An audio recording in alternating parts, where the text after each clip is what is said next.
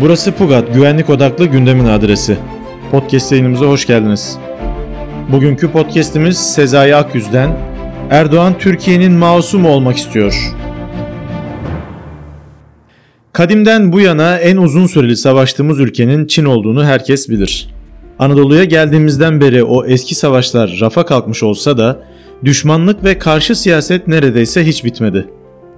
Çin gerek yönetim yapımız ve gerekse inançlarımız gereği neredeyse hiç aynı tarafta yer almadığımız bir ülke. Erdoğan hükümetinin ülkemizin hayrına olmayan icraatlarını düşündüğümüzde Çin'in yanında yer alması ve ekonomi sistemini benimsemesi aslında geç kalınmış bir adım bile sayılabilir.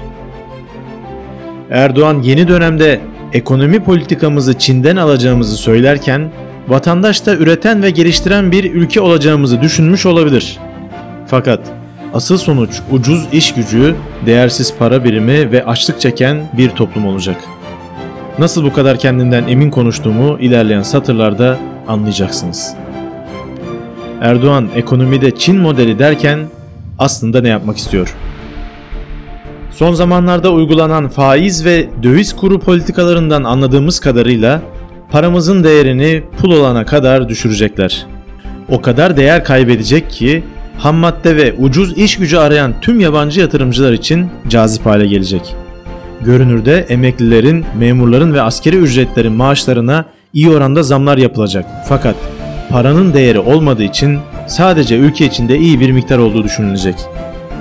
Yerli yatırımcı ve çiftçi ürününü ihraç edemediği sürece ithal yolla temin edilen hiçbir ihtiyacını karşılayamayacağı için bir süre sonra iflas edecek. Halkın büyük çoğunluğu dış yatırımcıların fabrikalarında çalışan kölelere dönüşecek. İnsanlar mutsuz ve aç oldukları için asayiş ve düzen bozulacak. Mevcut iktidar bu durumu kontrol altında tutmak için daha sert ve acımasız bir iç güvenlik yöntemi uygulayacak. 19. yüzyıl Rus edebiyatı klasiklerinden bildiğimiz köle, çalışan fabrikatör, fabrikatöre muhtaç ve işbirlikçi devlet, devletin sopası olan güvenlik güçleri ve ezilen köleleştirilmiş vatandaşlar düzeyiyle baş başa kalacağız. Şahsi kanaatim ne yazık ki ülkemizi açlığın ve fakirliğin beklediği yönünde. Zaten açlık ve fakirlik çektiğimiz doğru. Ancak bu günleri bile mumla arayacak zamanlardan bahsediyorum. Dünyanın neresine giderseniz gidin her yerde hemen her eşyada Made in China yazısını görmek mümkün. Tabii ki böyle bir dönüşüm sancılı ve uzun yıllar alan bir süreçle gerçekleşti. Peki böylesine büyük bir ekonomiye ve üretim altyapısına sahip olmak için şu an elimizde olan nelerden vazgeçmemiz gerekiyor?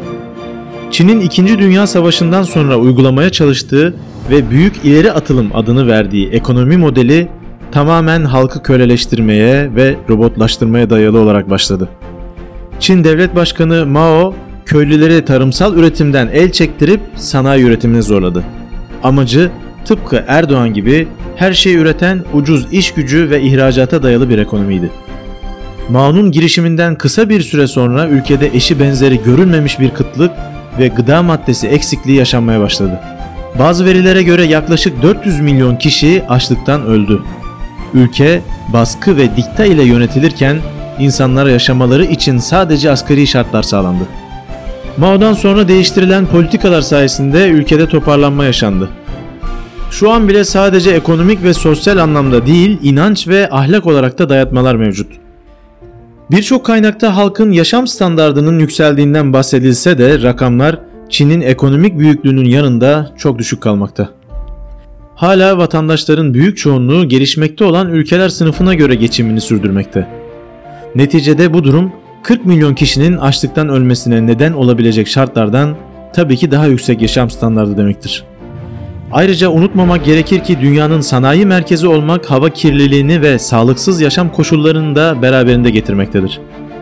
İki ülke yönetiminin kötü benzerlikleri dikkat çekiyor. AKP hükümeti ile Çin Komünist Partisi'nin benzerlikleri bunlarla sınırlı değil tabii ki. Erdoğan, ülkenin mevcut durumunun en çok Çin ile benzerlik gösterdiğini düşünmüş olacak ki ekonomide aynı yolu izlemeye karar verdi. İşte size bu benzerliklerin bazıları. İnançlarından ve kendilerine biat etmemelerinden dolayı insanlara zulmetme ve çocukları annelerinden ayıracak kadar ileri gitme. Özgürlüklere ve muhalif seslere savaş açma basına sansür ve kontrollü medya oluşturma.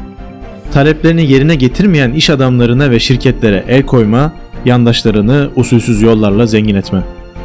Uluslararası hukuku ve anlaşmaları hiçe sayan uygulamalarla dünyanın tepkisini çekme ve dışa kapalı bir sistemle ülkeyi yönetme. Toplumun gelir katmanları arasında derin uçuruma sebebiyet verme, dar bir kadroyu devasa servetlere ulaştırırken büyük bir kesimi asgari ücretle geçinmeye zorlama. Erdoğan ve destekçilerinin gözden kaçırdığı veya bilerek görmezden geldikleri birçok farklılık da var. En önemlisi Çin'de bulunan ham madde ve iş gücünün bizde olmaması. AKP hükümeti yerli ve milli olan her maddenin üretimini zorlaştırdığı için samanı bile ithal eden bir ülke haline geldik. Avrupa veya Amerika'ya ilticanın ve göçün en kolay ve yoğun olduğu dönemleri yaşıyoruz. Hemen her ailenin de bu ülkelerde yakınları var. Zorla insanları tutmadıkları sürece kimse bu şartlarda yaşamak istemeyecektir. Yakın zamanda Almanya'daki Göç Bakanlığı'na çok sayıda Türkçe çevirmen aradıklarını duymuştum. Ayrıca Yunanistan sınırına çok yüksek maliyetlerle duvar örülmesi de 10-20 bin değil de milyonlarca mülteciye karşı bir önlem olsa gerek. AKP hükümetine yapması gerekenleri söyleminin bir karşılığı olacağını sanmıyorum. Ne de olsa ülke menfaatleri için yapılması gerekenlerin değil, kendi çıkarlarının peşinden koşturacaklar. Hiçbir zaman gerçek anlamda sahiplenmedikleri bu toprakların ve insanların başına gelecek felaketleri, bu milletin sırtından kazandıkları evlerin ve villaların konforu içerisinde en ufak bir pişmanlık duymadan izleyecekler. Dilerim ki her şey için çok geç olmadan tutarsız politikalardan vazgeçilir. Zira zararın neresinden dönülse kardır, diyor Sezai Akyüz yazısında.